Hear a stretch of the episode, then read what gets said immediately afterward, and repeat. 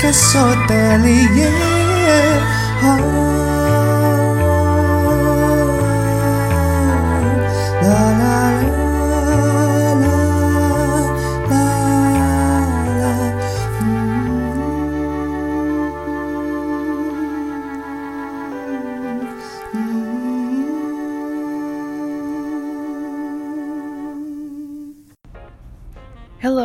Welcome back to my podcast Balada Hotelier Season 2 Still with me, your favorite host alive, Romi Romansyah.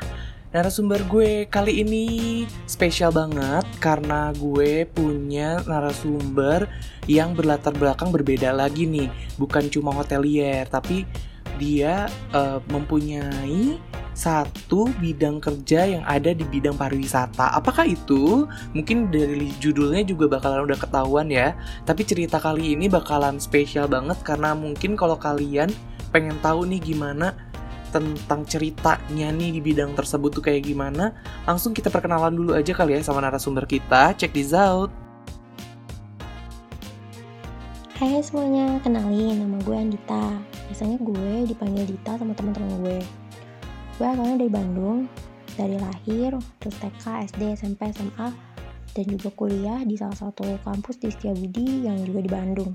Sekarang ini gue di Jakarta, eh, gue kerja di salah satu e-commerce yang kalian juga pasti sering pakai, yang logonya itu mirip-mirip sama Twitter. Pasti pada tahu dong. Jadi kali ini gue mau nyeritain gimana proses gue waktu itu eh, join di kampus STP Bandung. Nah, jadi ceritanya tuh waktu SMA ini agak sedikit beda sih. Jadi bidang gue itu dulu gue SMA-nya itu IPA dan gue tuh anaknya IPA banget.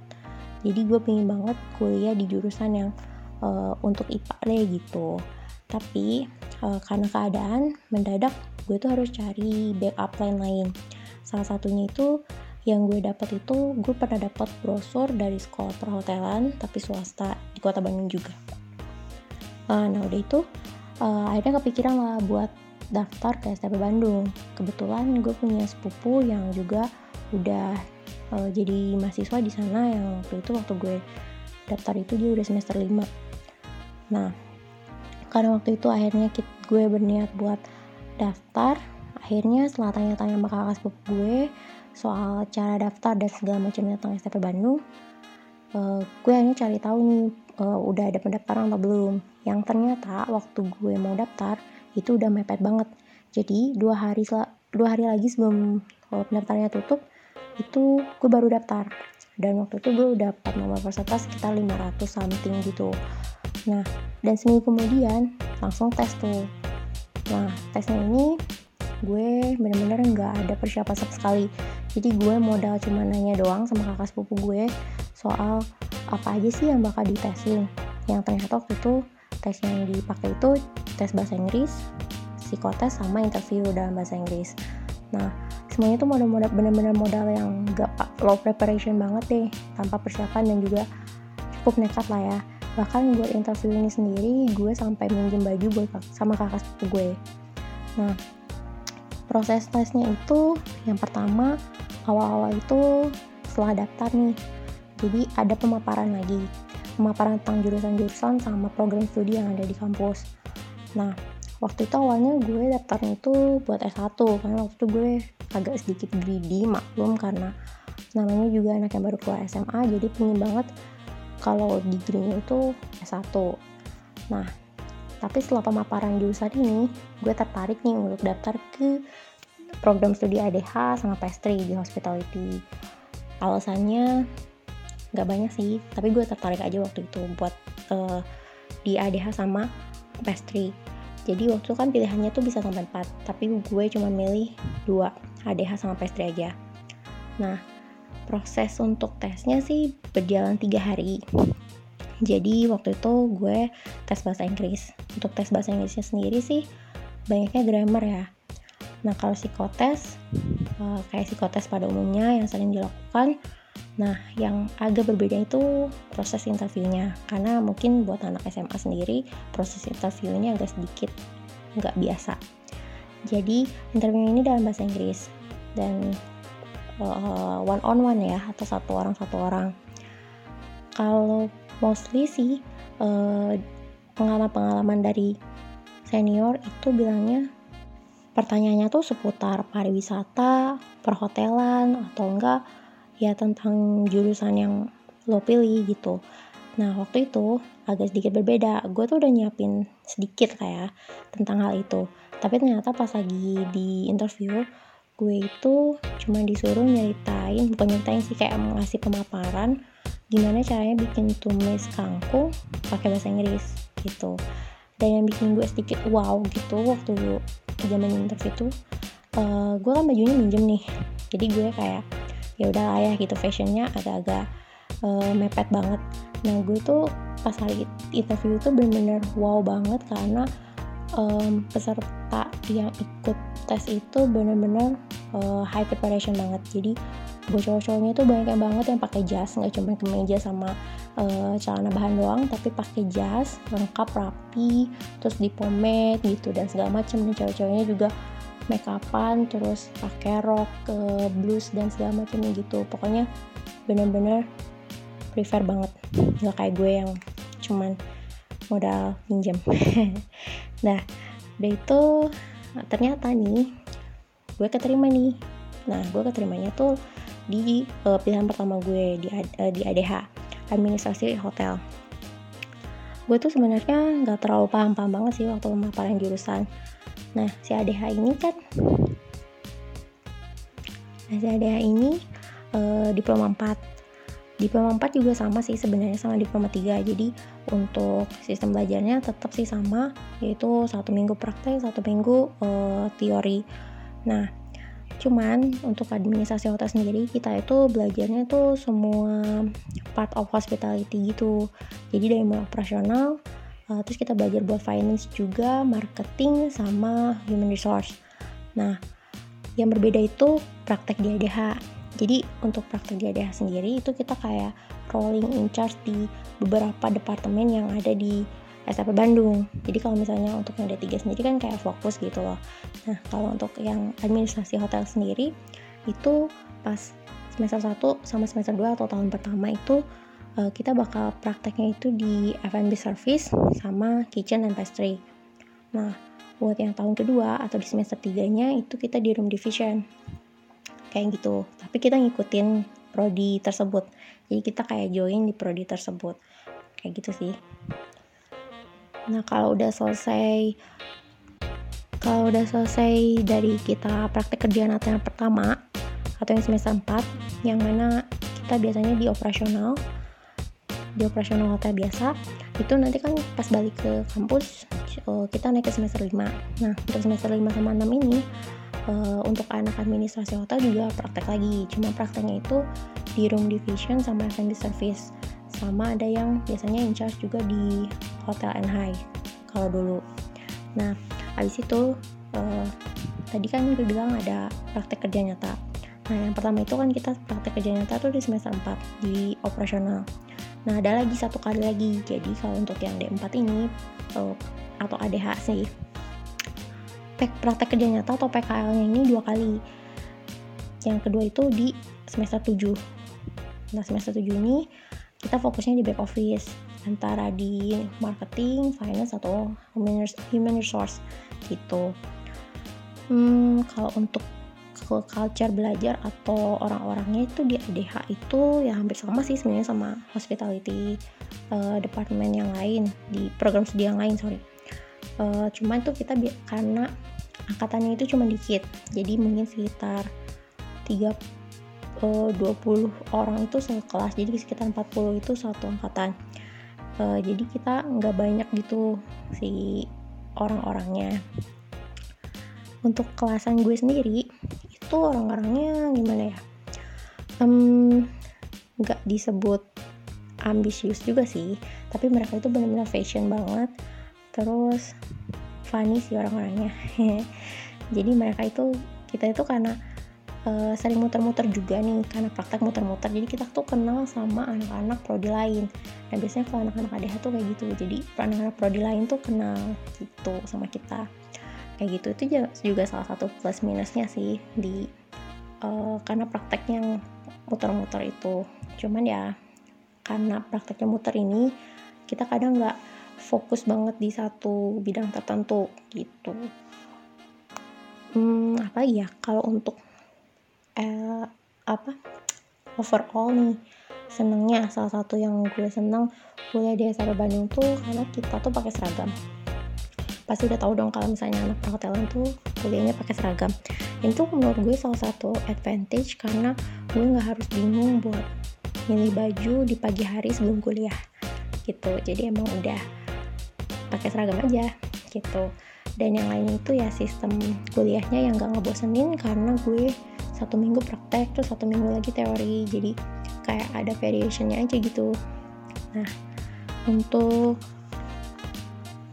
disadvantage-nya atau susahnya sih um, karena ada sistem praktek nih. Jadi karena tuh sistem karena pas praktek ini kita kayak eh, nggak uh, kuliah dari pagi sampai sore. Tapi misalnya dari uh, pagi karena baru selesai-selesai itu udah agak malam atau benar-benar malam gitu. Pernah gue sampai jam 8 atau jam 9 malam baru pulang kayak gitu. Terus um, karena di hospitality senioritasnya cukup tinggi nih jadi ya mental juga harus kuat sih harus diasah juga. Gitu aja. Tipsnya after all kalau buat adik-adik yang pingin masuk SMP Bandung yang pasti um, harus percaya diri. Harus pede dulu. Nggak harus punya benar-benar passion di dunia hospitality. Tapi yang pertama itu kalian harus pede dulu sih. Nah kalau untuk tes bahasa Inggris bisa belajar-belajar dikit lah. Karena itu grammar dan banyaknya reading dan writing doang. Gitu. Thank you so much udah mau dengerin. Uh, semoga buat adik-adik yang memang punya keinginan buat kuliah di SMP Bandung uh, proses pendaftarannya lancar terus bisa masuk di jurusan yang dipinginin and have fun. Thank you. Balik lagi nih sama gue Romi. Tadi tuh gimana nih ceritanya? Dari Andita ya. Ceritanya tuh dia sebelumnya adik kelas gue nih. Kita perkenalan dulu juga dari sisinya gue. Dia tuh adik kelas gue dan kita beda prodi gitu dan ketemunya dia tuh karena sedang praktek di bagian rooms. Jadi dia dia tiap semesternya tuh akan pindah-pindah nih prakteknya. Waktu gue semester 3 semester 5 berarti ya. Dia semester 3 dia tuh cross training nih. Maksudnya pindah ke bagian rooms untuk belajar. Jadi administrasi hotel tuh keren banget kan dia bisa pindah-pindah gitu loh untuk prodinya. Jadi belajar semua. Dan kita udah tahu juga nih dan cerita dari Andita kalau misalnya kalian tertarik buat gabung ke prodi ADH bisa langsung dicatat aja ya tips-tips sama kiat-kiat suksesnya nih. Kalau misalnya kalian pengen ada yang ditanyain bisa langsung ditanyain nanti ke Anditanya juga ke Instagramnya.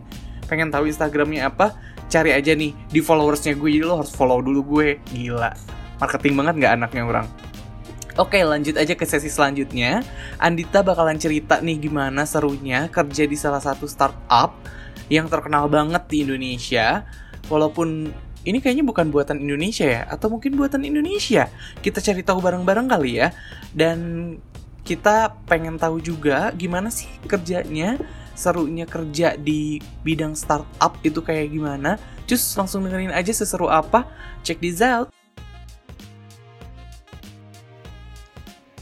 Hai hai listener balada hotelier semuanya Kenalin lagi nih, gue Dita Sebelumnya gue pernah sharing pengalaman sama kalian soal kuliah gue di STP Bandung Waktu itu gue pernah sempat kenalin dikit kalau gue sekarang ini kerja di salah satu startup company.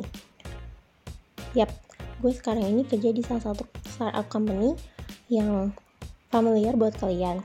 Logonya itu mirip-mirip sama Twitter. Waktu itu udah pernah gue sedikit um, sebutin. Pasti udah pada tahu dong. Gue kali ini mau sharing sama kalian soal gimana sih pengalaman gue kerja di startup company ini.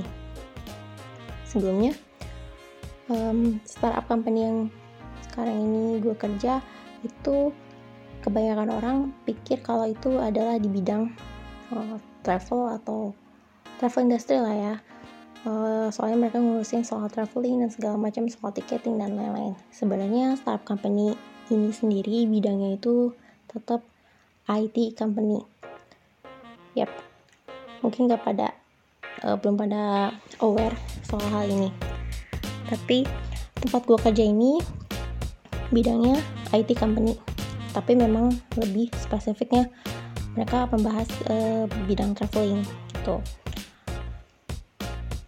gue sendiri berada di uh, kalau kita bahasnya per produk ya bukan per departemen gitu tapi gue under transportasi darat. Yes transportasi darat. Jadi kalau kalian pernah buka aplikasi tersebut terus kalian lihat ada uh, fitur atau produk um, bus and travel bus and shuttle sorry. Terus um, airport transport sedekah rental nah itu um, bagian yang gue bawahi atau gue bidangi. Gitu. Untuk bagiannya sendiri gue tuh di bagian market. Jadi semacam gue uh, di sana tuh pegang akun dan lain-lain. Kayak gitu. Kalau untuk startup company sendiri nih uh, dia emang agak sedikit different sama uh, kerja di hotel. Serunya banyak sih. Pertama gue mau bahas dulu ya. Of course kalau kita kerja di startup company ini karena memang vibe-nya yang terus um, dynamic jadi satu-satu yang paling seru yang itu kerja di startup itu karena pakaian kerjanya bebas. Jadi di sana itu kita nggak pakai formal attire. E, kita bebas berekspresi pakai pakai untuk kerja atau pakai baju apa aja.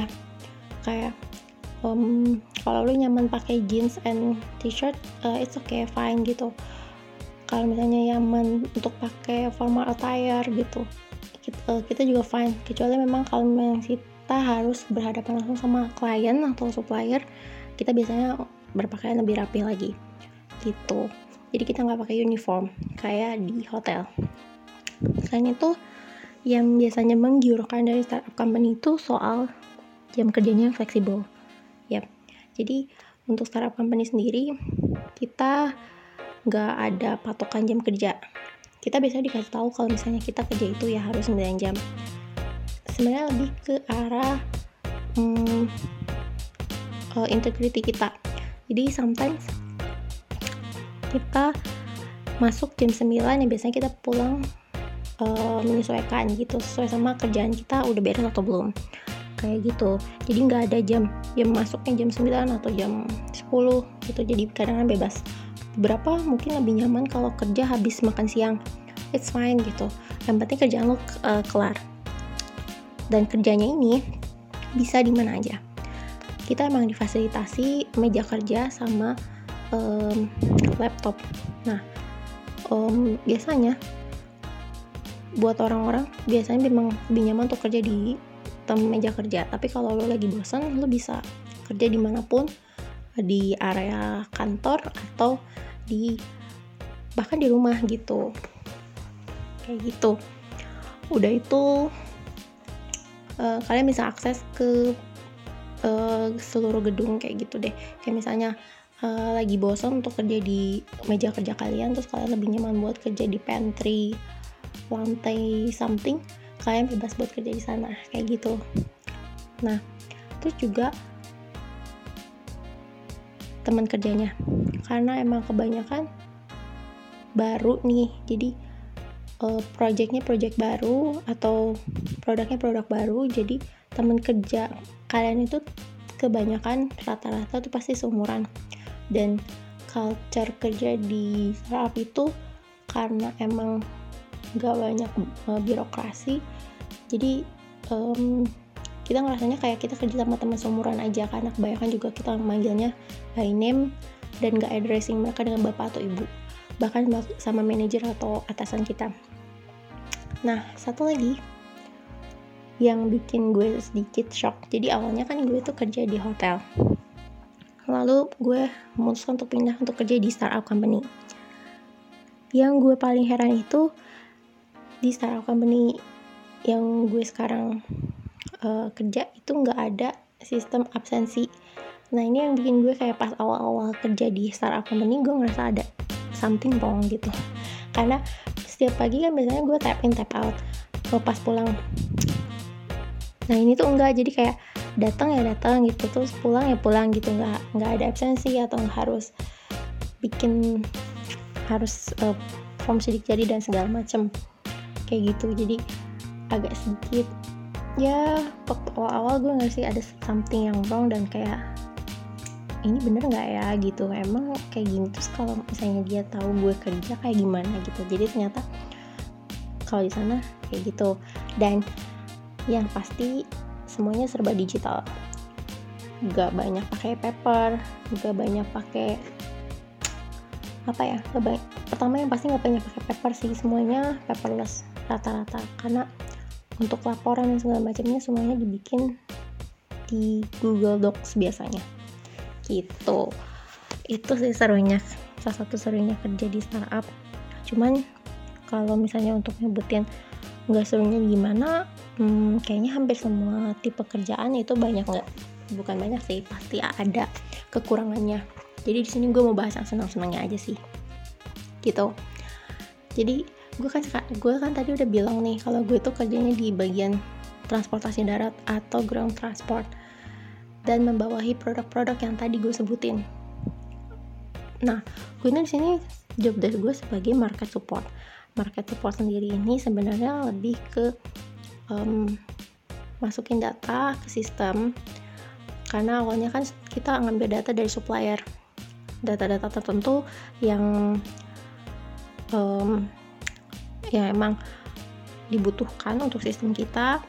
Terus kita input ke dalam sistem. Dan kita juga um, nge-training supplier tersebut untuk pakai internal sistem kita. Karena kan mereka akan pakai internal sistem dari kita.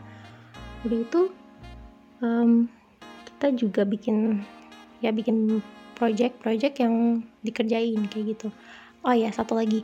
Kalau kalian kerja di startup company ini bedanya sama kerja um, formal biasa itu karena di startup company ini biasanya projectnya by best best project. Sorry kerjaan kalian tuh best project. Jadi kalian akan desain sama pekerjaan-pekerjaan yang lebih ke project kayak gitu.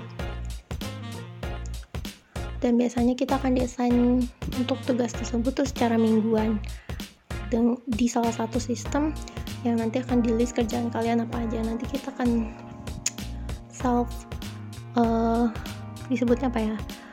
Self assigning jadi kayak kalau kalian lagi progressing kalian bakal ngubah statusnya di progress. Kalau kalian udah dan kita danin gitu. Nanti biasanya di akhir minggu akan di review sama uh, leads masing-masing. Gitu. Gue sebelumnya emang kerja di hotel dan alasan pindah gue ke startup itu pertama karena gue dapat opportunity of course. Terus yang kedua gue pengen cari pengalaman. Karena ya startup company ini salah satu bidang yang sebenarnya untuk um, bidang hospitality industry ini lagi banyak yang pakai ya. Jadi lagi hits lah karena orang-orang juga lebih kebanyakan lebih sering pakai e-commerce dan gue juga pengen ganti suasana dan pengen ngerasain gimana kerjanya secara berbeda dari hotel ke startup company. Karena emang culture-nya sendiri bakal beda. Jadi gue pengen pengen tahu nih gitu. Uh, kalau ditanya nih soal pelajaran kampus itu diterapin gak sih di atau masih kepake gak sih pas gue kerja di startup company? Sebenarnya masih sih soalnya bidangnya bidangnya masih mirip-mirip sama basicnya sebenarnya basic di uh, untuk di job desk gue sendiri basicnya sebenarnya basic di marketing sama uh, data kayak gitu. Masih ada yang gue ingat dan masih banyak yang kepake buat ngambil keputusan atau buat ngasih ide-ide. Karena untuk di startup company sendiri sebenarnya kita lebih dituntut untuk ngasih self uh, ngasih inovasi baru ngasih ide-ide kita gitu secara langsung dan segar sama um, perusahaan gitu. Soalnya kayak kalau misalnya lu mingguan itu kan ada kayak meeting lah ya pasti ada review.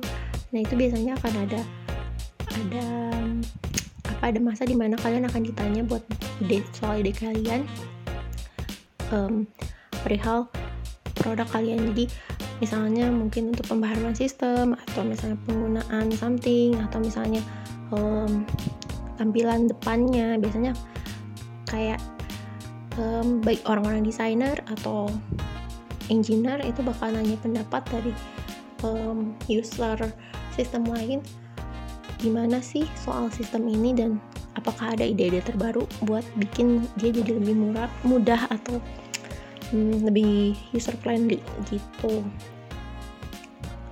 Perbedaannya ya kalau untuk oh, di company ya gitu kalian bakal ditanya buat ide-ide baru yang lebih segar.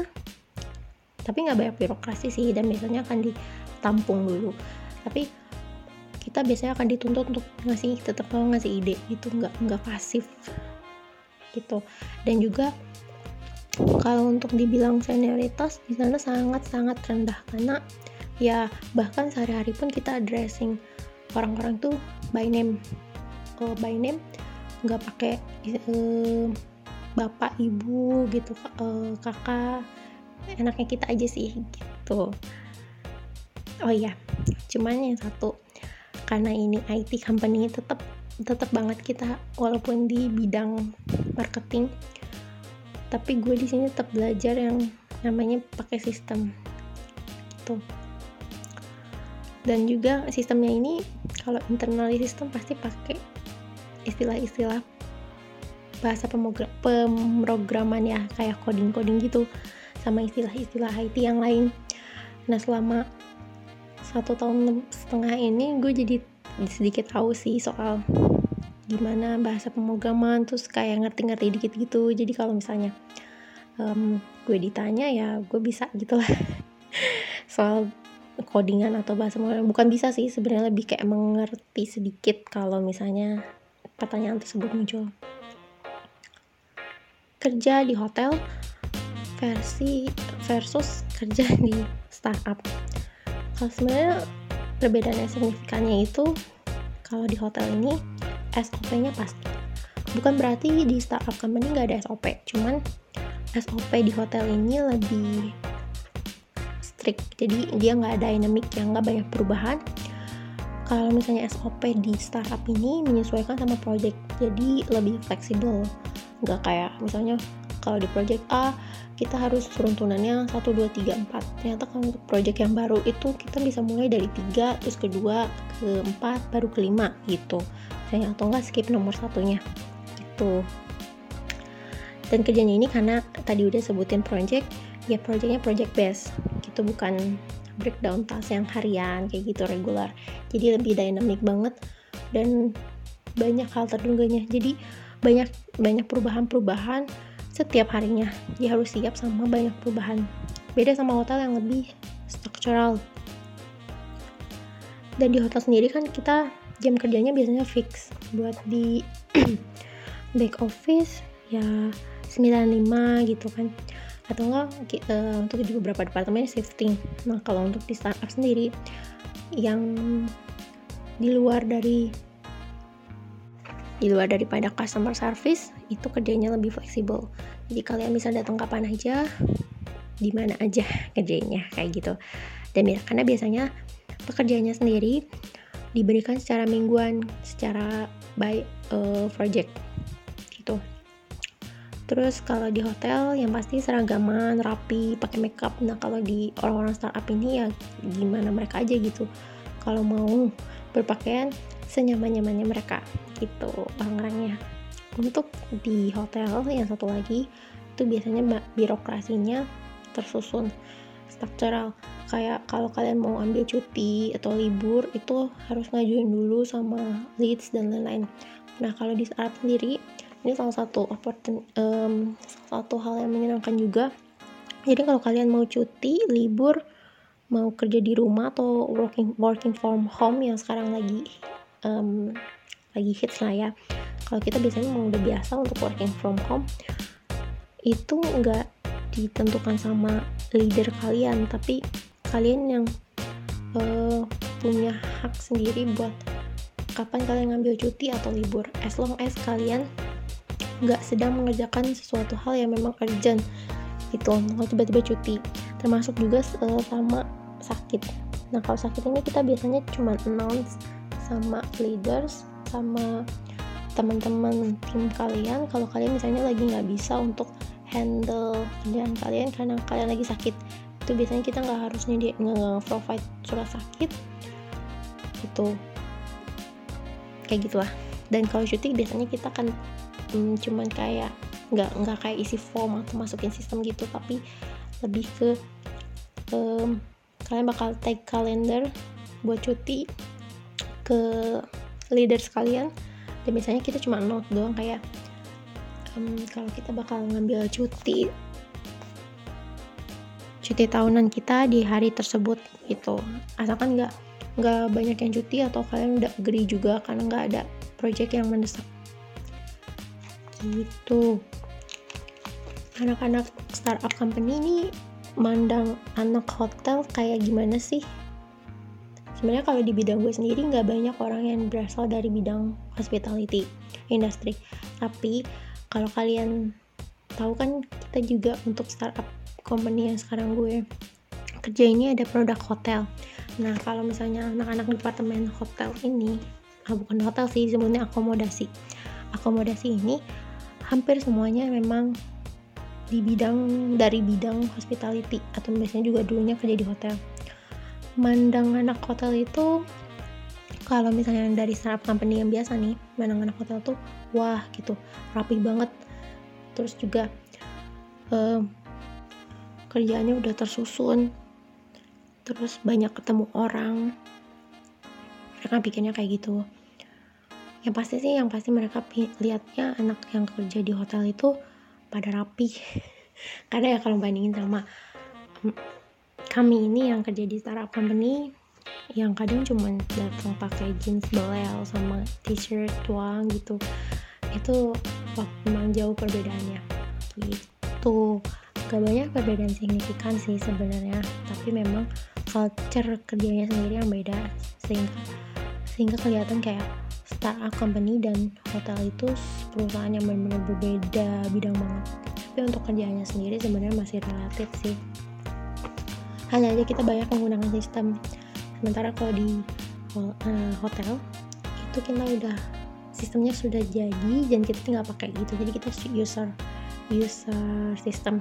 Kalau untuk di startup company sendiri ini kita created system gitu kalau ada yang pingin kerja di startup company gimana sih caranya gitu?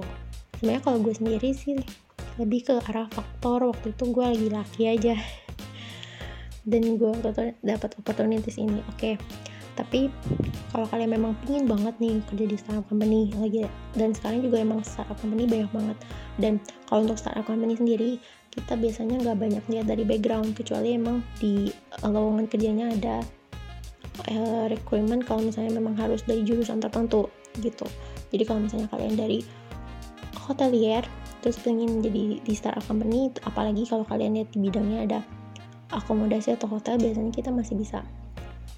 Itu atau di yang e-commerce e-commerce marketplace juga sebenarnya bisa karena gue sebelumnya juga pernah dapat tawaran juga di salah satu e-commerce marketplace gitu kalian juga harus rajin cari info loker gitu. Biasanya di startup system itu ada yang namanya referral. Referral itu jadi um, biasanya employee yang udah kerja di sana staff itu bisa jadi referral kalian buat ke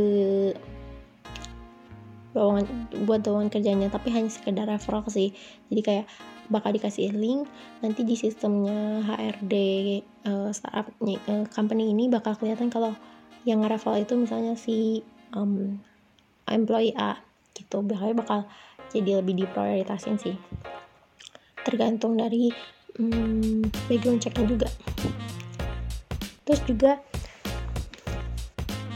yang yang pasti itu ada satu yang memang kalian bakal bingung kalau kalian cari-cari lowongan kerja di startup karena uh, job desk-nya itu atau biasanya job title-nya itu agak sedikit berbeda dan asing didengar sama kita kayak untuk di yang hotel sendiri biasanya kita belajar kalau uh, trap-trap untuk um, strukturalnya itu kayak manager, supervisor gitu, basic atau something like that. Tapi di istilah-istilah di startup company ini agak sedikit berbeda. Jadi kayak ada yang disebut support atau um, association dan dan lain-lain. Terus juga bidangnya agak-agak sedikit aneh namanya mungkin kayak ada disebutan marketing, finance-nya itu beda-beda gitu. Yang pasti kalian tuh harus punya tekad juga tekad buat atau percaya diri juga buat kalian belajar di startup company karena menurut gue uh, untuk survive di startup company ini bukan cuman dari ilmu yang kita punya. Tapi lebih ke arah kita mau buat uh, push challenge sama push the limit kita gitu. Soalnya di sini individunya lebih dituntut untuk uh, aktif dan mandiri dan juga inovatif. Jadi kita tuh gak bisa fasib doang. Kerja kerja kerja. Tapi kita harus juga ngasih ide buat tim kita buat produk yang kita jual itu apa saja poin-poin yang harus ditingkatin sama misalnya apa aja di sistem itu yang harus diperbaiki. Entah itu dari segi tampilan eh, dari segi apa tuh namanya feature dan segala macam. Jadi kita akan dituntut buat masih selalu ide-ide baru buat mereka. Walaupun misalnya kadang terkena agak sedikit ide kalian punya itu sedikit um, bukan impossible sih ya tapi sulit buat diwujudin. Tapi seenggaknya kalian punya ide. Jadi harus inovatif sih harus bener-bener um, aktif di secara tim. Gitu. Mungkin segitu aja cerita gue soal startup company versus kerja di hotel. Jadi gue sebenarnya bisa membandingin sendiri karena gue sebelumnya juga kerja di hotel uh, udah itu baru gue pindah ke startup company. Buat kalian yang memang pengen challenge diri kalian untuk kerja di startup company ini salah satu good opportunity sih sebenarnya. Jadi kalian bisa belajar hal yang baru sih. Soalnya memang agak berbeda jadi angin segar buat buat kalian terutama yang fresh graduate buat belajar hal-hal baru. Itu buat gue tips dari gue jangan menyerah kalau misalnya kalian mau nyoba untuk kerja di startup company. Karena memang banyak hal yang gak terduga yang bakal kalian dapat di mana pun kalian punya pengalaman kerja baru. Kayak gitu aja sih dari gue. Sekian. Jangan lupa untuk sel hmm, selalu dengerin podcast Balada Hotelier. See you again. Bye bye thank you Hey hey hey, gimana nih serunya cerita dari Andita tadi? Mulai sedikit ada bayangan kali ya kerja di startup tuh kayak gimana? Gue jelasin dikit deh startup tuh apa. Startup itu sebuah perusahaan nih yang baru aja dibangun atau dalam masa rintisan. Namun nggak berlaku. Dia tuh nggak semua bidang usaha. Biasanya startup ini tuh dikategorikan itu untuk di bidang teknologi atau informasi yang berkembang di dunia internet ya. Jadi ini tuh berhubungan banget sama namanya teknologi. Itu kenapa tadi Andita juga ngejelasin kalau misalnya tempat kerja dia sekarang itu sebetulnya betul itu adalah tempat untuk bidang teknologi lebih ke startup teknologi di bidang travel kali ya bisa disebutnya seperti itu. Dan yang paling gue senang kalau misalnya di bisnis ini karena bisnisnya itu beragam, misalnya kayak pengembangan aplikasi, sistem pembayaran, jasa, perdagangan atau lain sebagainya dan mungkin di startupnya Andita termasuk ke beberapa yang tadi itu termasuk banget kali ya. Dan gue seneng banget nih ngedenger kalimat kata-kata startup kayak gini tuh karena kayak milenial banget gak sih? Kayak angkatan-angkatan yang anak-anak muda gitu yang kerja di situ tuh karena dinamis banget kerjanya. Yang tadi diceritain juga bebas banget dan gak pakai baju kerja formal. Lu bisa milih baju kerja lu yang kayak gimana dan seru aja kan itu goals banget deh kayak kerja pakai jeans pakai sepatu cats doang gitu nggak usah pakai formal formal kecuali mau ketemu sama klien katanya tuh. Dan kerjanya tuh fleksibel guys. 9 jam katanya. Tapi nggak ditekankan gitu loh. Jadi nggak harus 9 jam full asal kerjanya bener atau lu mau mungkin bisa kali ya 5 jam tapi 4 jamnya lagi lu work from home gitu kan kayak sekarang jadi dan gak ada sistem absensi kan kesel ya ngedengarnya kayak wah gila sih nggak usah absen gitu nggak usah kayak telat-telat fingerprint kayak biasanya gitu. Dan yang paling keselnya tuh dia tuh bisa kerja di mana aja nih. Seseru itu gitu kan kesel banget. Jadi lu bisa kerja di pantry bisa kerja di rooftop katanya tuh bisa kerja di lobby gitu kan. Gila bisa kerja sampai pacaran kali ya? Aduh gue harus wawancara nih si Andita biar lebih jelas gitu apakah boleh seperti itu gitu kan? Dan karena pada penasaran juga kan kalian pastinya jadi seru banget deh pokoknya. Gue seneng banget dengerin ceritanya dari Andita ini yang tentang startup company ini tuh. Jadi pengen nyobain kayaknya gue harus nih. Mungkin ada goals gue ke sana kali ya. Kalau misalnya nggak ke sales kayaknya startup kece juga nih. Apalagi kalau menurut gue ini bakalan berkembang banget nih ke depannya. Karena di mana sih yang nggak pakai teknologi semua udah pakai teknologi dan hotel basic tuh sekarang udah e-commerce banget gitu apa apa tuh udah pakai teknologi pakai internet website gitu dan yang kayak gini nih yang bakalan berkembang banget dan long lasting jadi nggak karena apa yang terjadi sekarang belum tentu 10 tahun ke depan akan tetap digunakan gitu kan jadi kalau kalian tertarik, sok atuh ya dibuat plannya buat masuk ke bidang ini tuh kayak gimana. Dicatat-catat tuh tadi tips-tipsnya dari Andita tuh kayak gimana. Kalau pengen tahu juga bisa langsung mungkin ditanyain nanti ke orangnya. Dan thank you banget kalian. Dan Andita juga nih thank you banget udah sharing pengalamannya. Kalian yang udah ikut sharing, ngedengerin juga. Yang lain kalau misalnya mau ikut sharing juga nih keseruan kerja di bidang apa pun yang related sama pariwisata, cus hubungi gue. Bisa langsung ke Instagram gue di @romiromansyah, Instagram Balada Hoteliernya di @baladahotelier, atau langsung ke emailnya di baladahotelier@gmail.com. Thank you very much. See you again. Bye.